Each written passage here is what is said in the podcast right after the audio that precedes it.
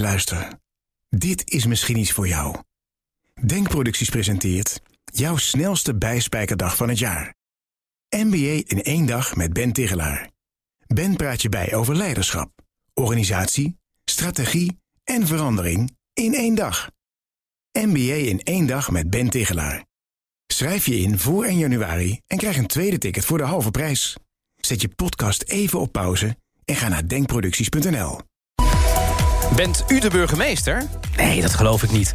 Dat zei een man in 2009 tijdens een receptie... in het keurige gemeentehuis van Naarden... tegen de net aangestelde burgemeester Joyce Sylvester. Vond het maar gek dat er een vrouw was, dat ze zwart was. Sylvester was toen de eerste burgemeester van Surinaamse afkomst in Nederland. Bent u de burgemeester is nu de titel van haar autobiografie... en ze is bij ons in de studio. Van harte welkom. Ja, dankjewel. Dat voel ik mij. Um, even voor wie u niet kent. Um, u bent PvdA, Eerste Kamerlid geweest. Waarnemend burgemeester van Annapolona, van Naarden. Tegenwoordig substituut ombudsman. Maar u bent pas 55. Waarom dan nu al een autobiografie? Ja, ik moet je zeggen, uh, die vraag heb ik mij ook gesteld. Ik werd gebeld door eh, de uitgever, zo medio 2014. Eh, en die zei van ja, als eerste zwarte vrouw van Nederland... die gaat waarnemen als burgemeester... je moet wel een goed verhaal hebben. Mijn vader overleed in 2012... en die had mij ook stukken van de familie nagelaten... geboorteakten en dergelijke. En toen ik het weer wat rustiger kreeg in mijn hoofd... ik was toen heel erg bezig met de fusie Muiden... naar de nou, Bussum ja. en Weesp... En en ook nog met het Eerste Kamerwerk, was fractiesecretaris, penningmeester. Ik het rustig gekregen. Toen dacht ik, jeetje, misschien heb ik toch wel wat te vertellen. Ik zag die hele lijn van mijn familie, ja. die hele emancipatiebeweging na de slavernij, hoe iedereen zich heeft ontwikkeld. En toen dacht ik, ja, ik heb misschien wel wat te melden. Nou, toen ben ik in de pen gaan klimmen. nou, dat is gelukt. Uh, en ja, we, we, aan ons de, de, schone taak om in een kleine tien minuten te proberen om door dat enorme diverse boek heen te gaan. Want het is niet één onderwerp. Dus wat we hebben gedaan, we gaan er gewoon een paar passages bij pakken. Prima. Um, en we beginnen dan even met de interesse in de publieke functie.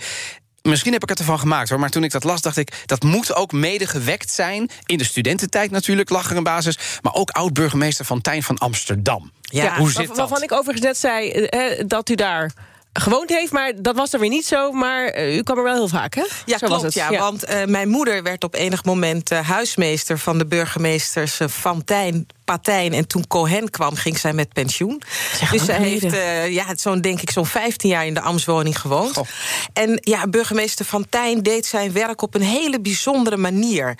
Hij besteedde heel veel aandacht aan de inbewaringstellingen. En toen mijn moeder even niet keek, toen mocht ik hem die vraag stellen. Ik liep naar hem toe en ik vroeg hem... waarom besteedt u zoveel tijd aan de inbewaringstellingen? Dat houdt dus in dat mensen die zonder toestemming uh, van een uh, arts op opgenomen moeten, moeten worden... omdat ze in de geestelijke problemen zitten. Oh, dat bij de burger... burgemeester toestemming voor geven. Is dat, dat nog steeds is, zo? Dat is nog steeds zo. Oh. En hij bestudeerde dat altijd buitengewoon lang... en had een mening daarover. En toen beet hij mij toe... Dit heeft te maken met de rechtsstaat. De vrijheid van de mensen is in het geding. En ik ben ervoor om die vrijheid in de rechtsstaat ook mede te helpen bewaken. En dat heeft zo'n indruk op mij gemaakt dat ik dacht: wauw, wat deze man doet en kan, dat wil ik ook. Maar dat is niet alleen een indruk geweest die, uh, laten we, uh, want als ik me dat goed herinner uit het boek u heeft die zin toen u zelf burgemeester was, volgens mij in Anna Palona, ja. ook gebruikt. Ja, ja dat, dat komt een cirkeltje rond. Ed van Tijn werd uiteindelijk mijn politieke vader. Hij is overigens alive en kicking. Ik ga hem volgende week ja? een boek over. Hoe gaat het met hem? Ja, buitengewoon goed. Oh ja? Ik, uh, hij heeft Hoe nog oud is hij kraal, nu? Kraaloogjes. Hij is over de 80, maar ja. heel gezond en heel keen en scherp. Die kraaloogjes van hem, die, uh, die weten me nog steeds te inspireren. We hebben nog steeds regelmatig discussies, dus dat is heel leuk. Ga zo'n heel leven lang door. Ja, mijn politieke vader en ik. Ja, en, en dus die zin in Anna Palona toen zeg maar uh, uh, u zelf burgemeester was... Ja. herinnerde u zich dat moment van de rechtsstatelijkheid... bijna zou ik willen zeggen, van die inbewaringstelling? Het gaat over vrijheid van mensen. Daar mag je niet lichtzinnig over denken. Precies. En dat heeft u toen ook meegenomen nou ja. in, uw hele, in uw hele werk, laten we het zo zeggen. Toen mij die vraag werd gesteld op het uh, gemeentehuis van Anna Palona... hoorde ik mijzelf die, ja, ja. die zin van Ed van Tijn herhalen. Ja. En toen dacht ik, nu is de cirkel echt rond. Ja, het is mooi dat dat erin staat. Dan gaan we naar een ander fragment. Laten we naar een moment gaan uit 1992. Dames en heren, goedemorgen.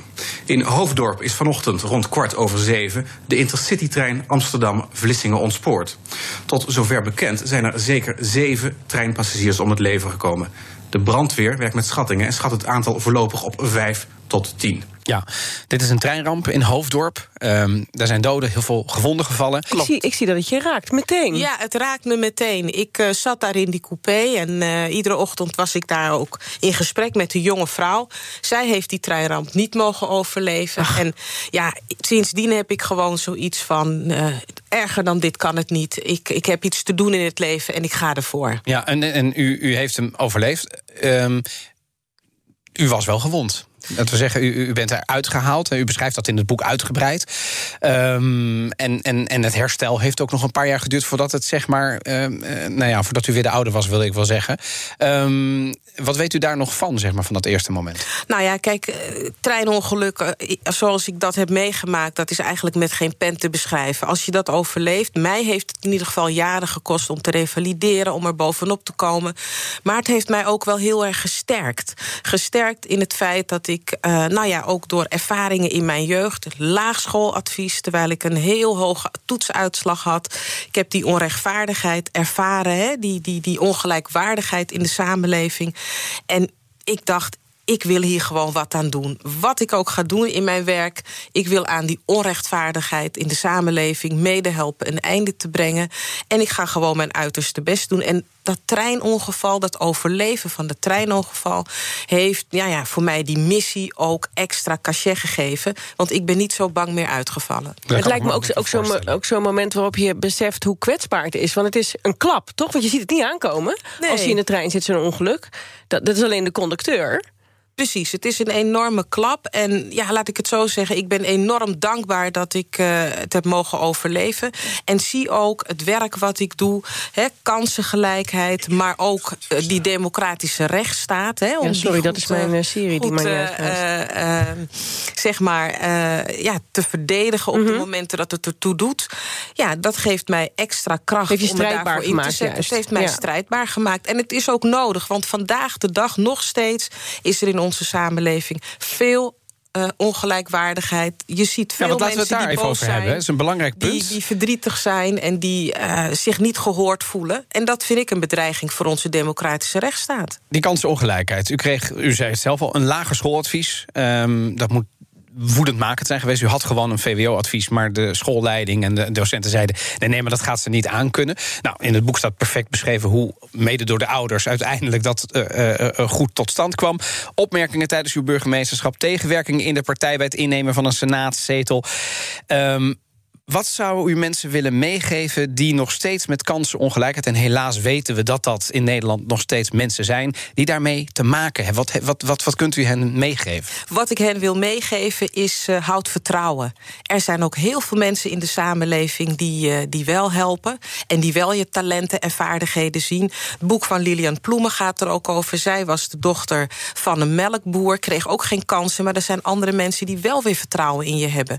Dus of je nou uit de regio komt, in een rolstoel zit, vrouw bent. Ik weet niet. Is de weg wel langer? Moet je daar wel rekening mee houden? De of weg, de weg is misschien wel iets langer, maar als je veerkracht hebt en je gelooft in jezelf, zijn er mensen die ook in je gaan geloven. En ik denk dat ik daar ook het levende bewijs van ben. Dus hou vertrouwen. Ja. Een andere passage speelt tijdens het campagnevoeren voor de Partij van de Arbeid, uw partij. En u was daar volgens mij toen net actief geworden. Volgens mij was dit in Bos en Lommer.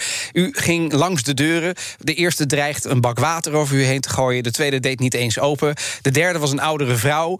En u kwam daar om te horen hoe het de bewoners verging. Maar in het eerste halve uur dat volgde, moest u horen hoe ja, hoe, hoe ze de, de, de klachten over buitenlanders. Uh, ze, ze leefden van uitkeringen. Uh, ze pikten alle huizen in. Als ze kookten, dan stonk het op de trap. Uh, en uiteraard zijn natuurlijk alle politici zakkenvullers. Um, u bent daarna nog wel teruggekomen, dus dat vond ik dan ook nog standvastig. Maar het eerste wat ik me afvroeg is, hoe was dat om mee te maken? Want als je zeg maar net begint en je denkt, nou, nu ga ik de wereld veranderen, mensen helpen. En dit is je eerste ervaring, kan ik me ook voorstellen dat je zegt, nou, dit is niets van mij. Het heeft mij de ogen geopend en het heeft mij uh, doen beseffen dat het werk wat ik doe niet vrijblijvend is. Uh, ik vind dat je mensen ook perspectief moet, moet kunnen bieden en ook naar mensen moet luisteren. Ik heb in de afgelopen jaren heel veel naar mensen geluisterd en ik hoor nog steeds die kansenongelijkheid, die ongelijkwaardigheid hè, die mensen voelen in de samenleving. En dat leidt tot heel veel boze mensen. Ik gaf het net al aan, gele hesjes. Mensen die uh, zeggen van, nou ja, kijk, ik word door de politiek helemaal niet gehoord. Ja. Het vertrouwen in instituties, kan ik de rechter nog vertrouwen als die een uitspraak ja. doet? Kan ik de leerkracht nog vertrouwen? Dat zijn heftige zaken als iemand dat uh. Beoordeelt. Dat zijn heftige zaken. En ik vind dus dat we dit signaal, wat we nu al jaren in deze samenleving horen, uh, op moeten pakken en met elkaar een goede richting op moeten krijgen. Slagen we daar niet in, dan dreigt de radicalisering en dan valt onze samenleving en daarmee ook onze democratische rechtsstaat, waar we iedere dag zo in vrijheid kunnen leven, valt uit elkaar. Dus het is niet vrijblijvend. Nee. Zou deze vrouw, als deze vrouw nu geleefd had, anno 2021 nog op de Partij van de Arbeid stemmen, vroeg ik mij af. Ik heb geen idee. Kijk, de Partij van de Arbeid heeft mij in mijn politieke ontwaken heel erg geïnspireerd. Dat heeft ermee te maken dat ik in dat partijprogramma las over kansengelijkheid en over emancipatie. Daar komt mijn familie vandaan. 1863 afschaffing slavernij, 1873 verplicht werken. Daarna barsten de talenten los. Vakbondsleiders worden de mensen, uh, getalenteerde dichters. Dus de talenten die moeten los kunnen barsten. Dat las ik in het partijprogramma van de Partij van de Arbeid. Geïnspireerd door mensen als Ed van Tijn. Maar ook Hedy Dancona. Als Hedy op dat podium stond, nou, dat was geweldig. Staat ook mooi in het boek. Dat, dat, is dat mooi beschreven. Tot slot, uh, hoe heeft die man, hè, die verantwoordelijk is eigenlijk voor de titel van het boek bent u de burgemeester uiteindelijk gereageerd toen u zei dat u inderdaad, toen hij realiseerde dat, hij, dat, dat u de burgemeester was? Ik bedoel, um, hoe, hoe is dat afgelopen? Nou, het was een hele bijzondere reactie. Meneer liep weg. Hij werd meegenomen door de bodes, want die dachten, oh, gênante opmerking. Terwijl ik dacht, nou ja, meneer stelt gewoon eerlijk een vraag. Ja. Hij kwam terug, hij bood zijn excuses aan. Maar wat ik zo bijzonder vond, was dat ik jaren later, nadat ik een interview had gegeven, een brief ontving van zijn dochter. En zij zei, als ik ik dit lees, heeft u het volgens mij over mijn vader. Mijn vader leeft niet meer, maar hij heeft over u gesproken... en hij vond het heerlijk om door u geconfronteerd te worden met zijn vooroordeel. Herkent u hem? En ik kreeg een foto met een meneer met een poes op zijn schouder. En, en dat was hem. Nou ja, zeg. Tja. Dus Wat een geweldig verhaal ik mede ook op aan hem. Ja. Oud-statenlid, uh, uh, wat zeg ik, oud-statenlid? Ja, uh, senator. Eerste senator, burgemeester Joyce Sylvester, bedankt. En haar boek, Bent u de burgemeester, ligt nu. Hé, hey, luister. Dit is misschien iets voor jou. Denkproducties presenteert jouw snelste bijspijkerdag van het jaar. MBA in één dag met Ben Tigelaar. Ben praat je bij over leiderschap, organisatie, strategie en verandering in één dag. MBA in één dag met Ben Tigelaar. Schrijf je in voor 1 januari en krijg een tweede ticket voor de halve prijs. Zet je podcast even op pauze en ga naar denkproducties.nl.